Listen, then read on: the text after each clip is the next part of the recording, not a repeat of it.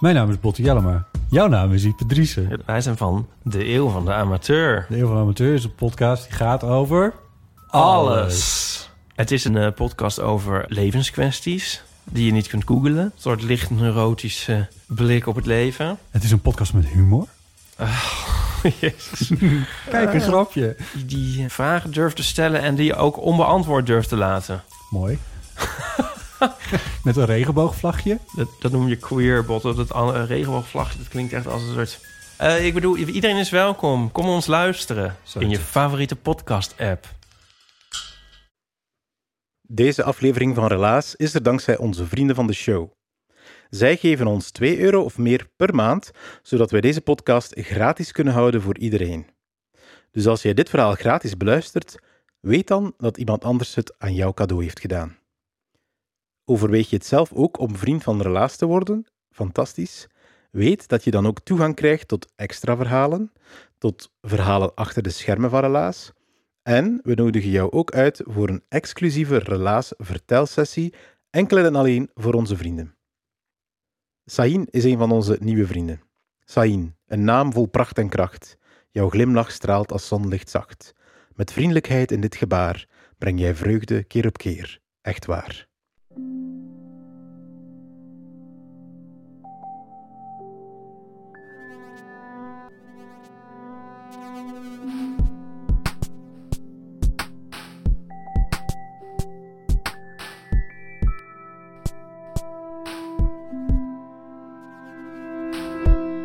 Hey, ik ben Pieter van Relaas.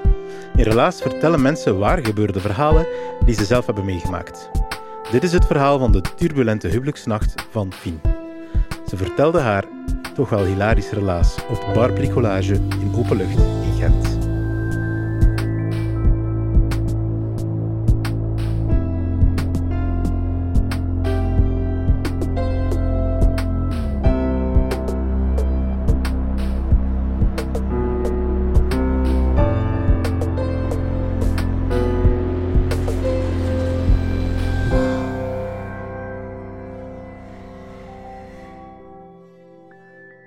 De eerste huwelijksnacht.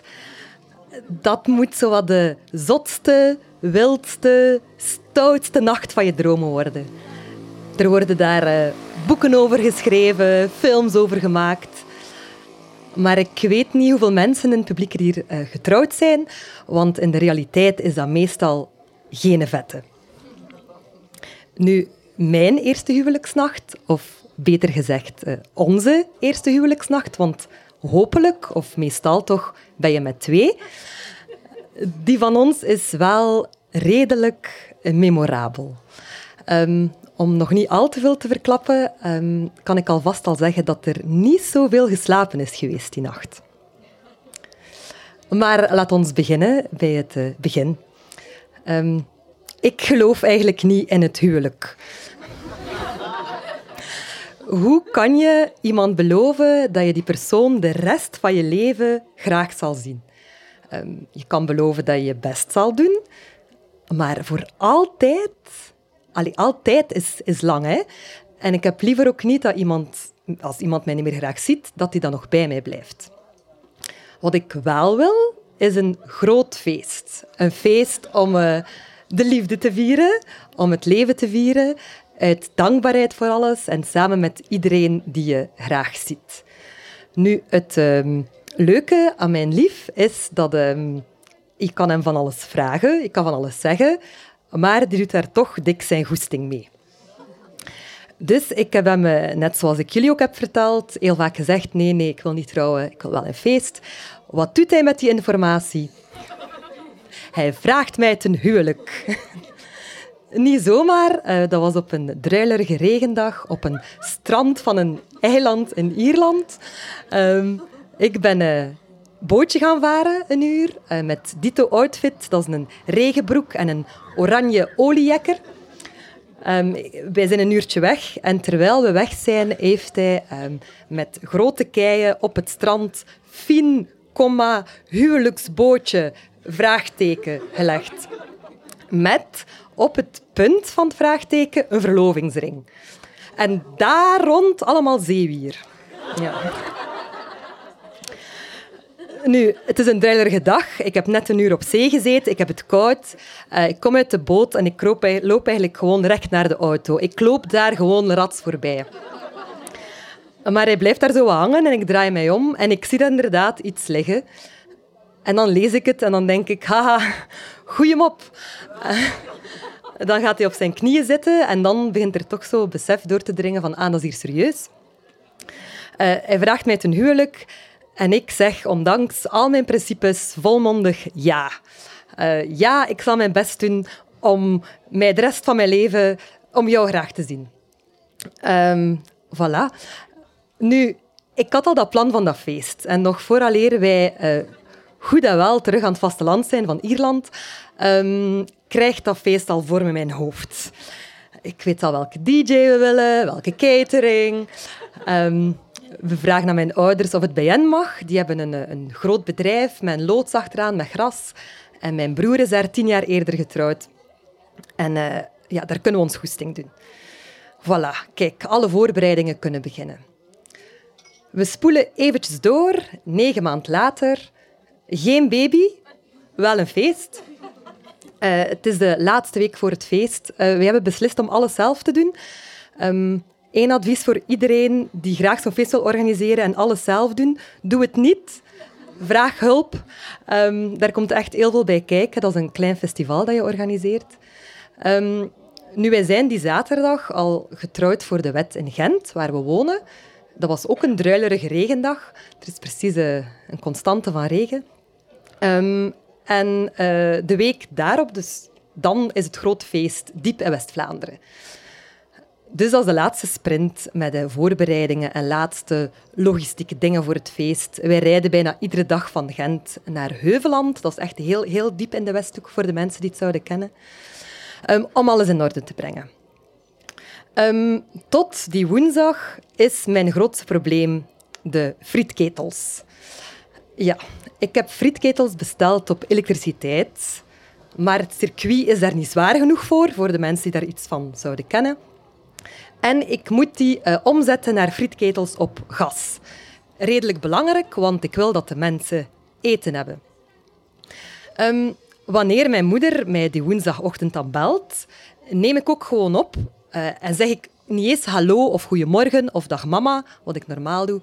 Ik neem op en ik zeg, mama, het is in orde, uh, geen probleem, de frietketels zijn geregeld, alles is oké.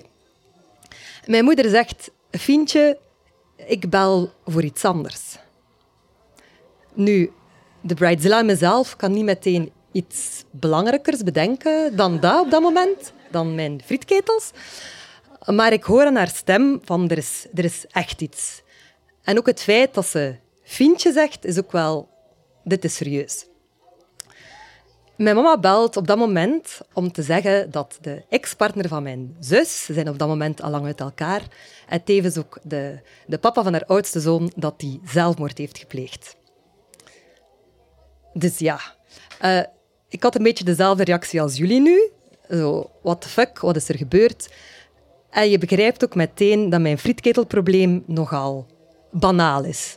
Ik ben ook nogal kwaad op mezelf dat ik daar heel lomp over ben begonnen aan telefoon tegen mijn moeder. Ja, en dan ben je in de war. Je bent verdrietig. Vooral voor mijn neefje, die zijn papa kwijt is. En al snel volgt ook de gedachte van... Kunnen wij wel een feest organiseren onder deze omstandigheden? Oké, ze zijn al lang uit elkaar. Er is nog niet meer zoveel contact tussen de families, helaas. Maar dat heeft toch wel een grote impact op ons allemaal. Um, na zelf eerst wat geweend hebben en dan naar mijn zus uh, gebeld of gestuurd hebben. Um, ja, zij is dan op dat moment in overlevingsmodus. Um, maar zij zegt al snel, nee, kijk, uh, ik ben oké, mijn oudste zoon is oké, we gaan dat dag per dag bekijken, laat dat feest maar doorgaan, we moeten het leven vieren. Dus een paar uur later zitten wij in de auto op weg naar de Westhoek, uh, mijn lief al rijdend, ik al wenend. En wij rijden naar, het, uh, ja, naar, naar de loods van mijn ouders. Nu, belangrijk om te weten is ook dat de ex-partner van mijn zus een collega is geweest van mijn papa en mijn broer, want zij zijn eh, zelfstandig en heeft ook een paar jaar meegewerkt in het bedrijf. Maar dat is ook al een paar jaar ervoor. Dus ja, heel dat gebeuren heeft wel een impact op ons. Um, ik weet niet hoeveel West-Vlamingen er hier zijn, maar eh, het copinggedrag van een West-Vlaming die heel veel emoties heeft, is meestal gewoon heel hard verder doen waar je mee bezig bent.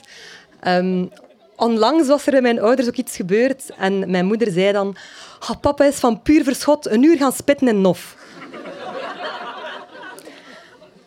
Super normaal. Er moest ook helemaal niet gespit worden in de Nof op dat moment. Um, maar uh, ja, dat is ook een beetje wat dat wij doen op dat moment. Gewoon heel hard verder doen waar dat we mee bezig zijn. En op dat moment is dat een feest voorbereiden. Dus wij beginnen met mijn ouders, mijn, mijn broer, de kinderen van mijn broer.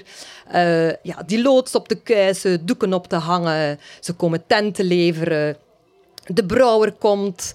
Uh, ik laat de brouwer nog een keer komen, want volgens mij was dat niet genoeg drank. Um, en zo de laatste voorbereidingen voor het feest die worden getroffen. En dat zijn wel heel intense dagen, want je kijkt samen uit naar een feest, maar je hebt ook wel ja, een gemeenschappelijk verdriet te verwerken. En uh, ja, ook al werd er daar misschien niet zoveel over gepraat, toch was dat heel fijn of heel intens om allemaal samen te zijn. Want het is ook niet dat ik zoveel tijd spendeer anders dan mijn ouders. Um, dus dat bracht ons op een of andere manier wel, wel dichter bij elkaar. Um, ja, en dan is het de dag van het feest. En dat is een, een prachtige zomerdag. De zon schijnt heel de dag. Er zijn heel veel mensen met lachende gezichten. Er is lekker eten, lekkere frietjes. Um, er is een heel schone ceremonie. Um, mijn, mijn lief, allee, toen bijna mijn, mijn man Wannes, laat denk ik de helft van de zaal wenen met zijn, met zijn speech. Het is zo wat vrolijke chaos. En het is echt het feest dat we in gedachten hadden dat we wilden. Met heel veel liefde, niet alleen tussen ons, maar ook tussen alle mensen onder elkaar.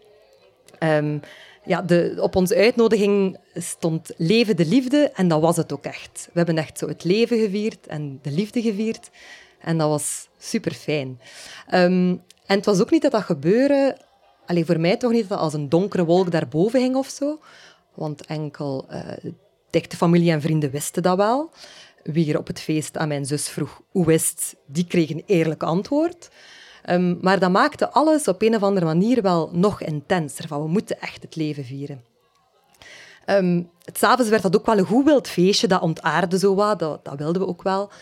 Uh, en ik herinner mij ook nog een moment met mijn broer en mijn zus. Uh, plots werd Leven van André Hazes gespeeld. De DJ was een beetje loco aan het gaan, want dat zat niet in de briefing. Um, maar dus dat, nummer begint en mijn broer en mijn zus en ik, wij weten van, we moeten elkaar hier vinden op de dansvloer. En wij pakken elkaar vast en er ontstaat een soort van knuffel, worsteldans. Um, ja, wij uiten onze liefde meestal door te beginnen vechten met elkaar. Ik weet niet of dat andere mensen met broers of zussen dat ook hebben. Dat begint met een knuffel, maar dat eindigt in een krachtmeting. Dus dat gebeurde ook op dat nummer. Dat begon heel liefdevol en dan begonnen wij zo wat te vechten. Um, maar sindsdien heeft dat nummer, wat ik tot dan toe redelijk banaal vond, wel een, een extra betekenis gekregen, want dat, dat kaderde het wel allemaal goed. Er zijn ook foto's van, heel, heel die foto's. Um, maar ik had jullie de eerste huwelijksnacht beloofd. Hè.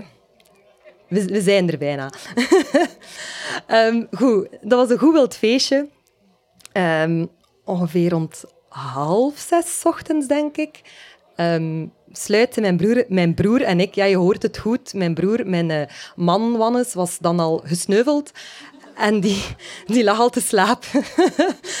die lag al te slapen in het vakantiehuis naast de loods dat we hadden afgehuurd. Uh, dus mijn broer en ik, we doen de laatste check. Is alle elektriciteit afgesloten?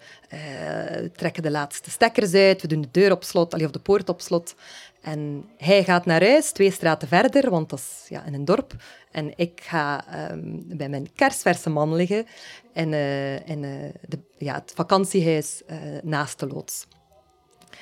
Um, er is zo'n uitdruk, uitdrukking van... Um, ik sliep al nog voor mijn hoofd het kussen raakte. Dat was het. ik ben nog nooit zo snel, zo diep in slaap gevallen als die avond ik denk ook niet dat slaap het helemaal goed vat, want dat was een soort van comateuze toestand waarin ik mentaal in een parallel universum was, ergens. En daar was ik ook heel, heel, heel ver weg toen ik gewekt werd met de gevleugelde woorden, denk een uurtje later ongeveer. Fien, opstaan, er is brand. En terwijl ik zo langzaam mentaal zo terug naar aarde daal, hoor ik inderdaad een superluid rookalarm, maar echt heel luid. Ik begrijp nog altijd niet zo goed hoe ik daardoor kon slapen. Um, ik begrijp nu wel hoe mensen kunnen omkomen in een brand. Um, en ik, ik ruik ook de rook ondertussen. Dus ik besef direct de ernst van de situatie. Dus wat doe ik dan? Ik neem het eerste kledingstuk dat ik bij mij vind. Dat was ergens een kleedje, um, niet mijn trouwkleed. Uh, ik spurt naar buiten op mijn blote voeten, uh, langs achter naar de loods, om te checken van, wat zijn we hier vergeten? Hebben we iets niet afgesloten of zo? Maar al snel blijkt dat uh, dat niet de oorzaak van de brand is. Ik keer terug naar vooraan, naar het vakantiehuis. Ja, en dan gebeurt er van alles tegelijkertijd. Um, er hebben denk ik drie mensen de brandweer gebeld. Um, ondertussen komt ook iedereen uit het vakantiehuis naar buiten. Uh, een tante die net 60 was geworden, die wilde trakteren op een rustige nacht. Um, een vriend die daar in de zetel was gaan liggen, die dacht, dat is veel beter dan mijn tentje. Um, ook mijn schoonmoeder en uh, haar moeder komen buiten. En uh, ja, de brand was ontstaan in de nok van het dak, net boven hun bed. En een paar jaar daarvoor is er ook een vrij grote brand geweest in hun huis. Dus dat kwam hier allemaal boven. Uh, we herkenden die geur van die rook zo net iets te goed. Maar goed, iedereen naar buiten. Uh, de brandweer doet zijn werk. Er komt daar ook een HLN-journalist toe, heel snel. Ik hoor mijn, mijn zus ook nog zeggen van... Ze zouden beter nem wegspuiten, godverdomme. Dus dat was zo wat de situatie. Wij liepen er allemaal rond als kieken zonder kop, de helft ook zonder kleren. Een, een vriend heeft daar ook heel de tijd in zijn onderbroek en t-shirt gelopen. Die hebben een duur zowel een pinoir gegeven. Maar eh, kijk, al snel was die brand onder controle. Ja, en plots komt Wannes ook naast mij staan, kletsnat. En ik denk van, wat, wat is er gebeurd?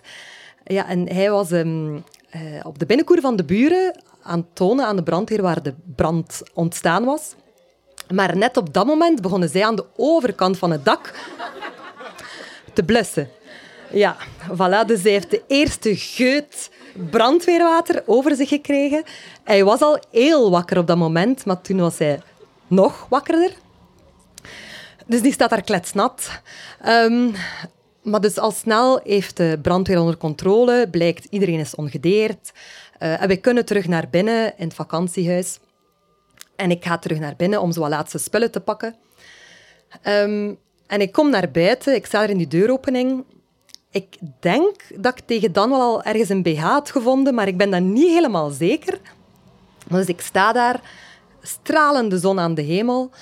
Um, ik heb zo wat verdwaalde spelden in mijn haar nog, van het feestdag ervoor, nog wat schmink op mijn gezicht. Um, en ik, ik hoor zo rond mij, ah, fin proficiat, En ik denk, wauw, wat is dat hier nu? Ik kijk rond en ik zie die brandweermannen die ondertussen hun helm hebben afgedaan. Uh, en dat is daar een vrijwillige brandweer. En ik herken een uh, klasgenoot van mij van het lager onderwijs. Uh, ik herken de medewerker van de brouwer die al twee keer drank is komen leveren. Ik herken de garagist van tegenover ons in straat. Um, en ik zie ook in de politiecombi de brandweercommandant zitten. En dat is uh, mijn leerkracht van het eerste leerjaar. Dus die heeft mij zo wat leren lezen. En zij zijn allemaal ondertussen van onze bruidstaart aan het eten. En ik sta daar en ik denk, hoe in godsnaam ben ik in deze absurde situatie beland? De, de voorbije dagen die voelden, voelden, zo wat aan als een, een seizoensfinale van Thuis en Familie Samen. En op dat moment verlang ik ook naar niets meer dan gewoon een rustige week waar alles rustig zijn gangetje gaat. Zo heel voorspelbaar. Nu, ondertussen zijn wij een, eh, een paar jaar later, hebben wij ook gelukkig wat rustige weken gehad, waarin alles gewoon zijn gangetje gaat. Um, en ieder jaar, naar aanleiding van onze huwelijksverjaardag, herbeleef ik dat allemaal een beetje. Um, eerst onze wettelijke trouw, dan die woensdag waarop ik een telefoontje kreeg. Ja, en dan ook het feest. Um, en zo was dat ook de voorbije week. En ik vind het daarom ook super fijn en heel symbolisch om hier vanavond met jullie op 22 juni 2023 onze vierde huwelijksverjaardag te vieren door dit verhaal met jullie te delen.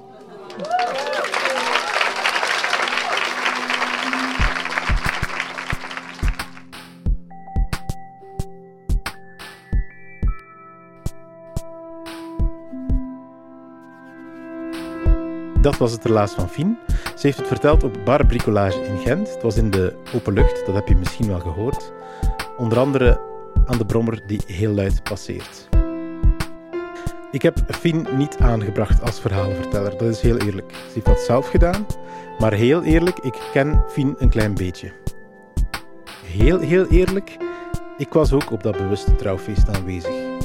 Maar ik heb het helemaal anders beleefd dan Fien. Want op het moment dat de hel losbreekt, lig ik al lang lekker thuis te slapen. Om de volgende dag haar avontuur in de krant te lezen. En ik moet zeggen, ik heb me toch wel eventjes verslikt in mijn ontbijt. Op trouwfeesten gebeurt er altijd wel eens iets geks.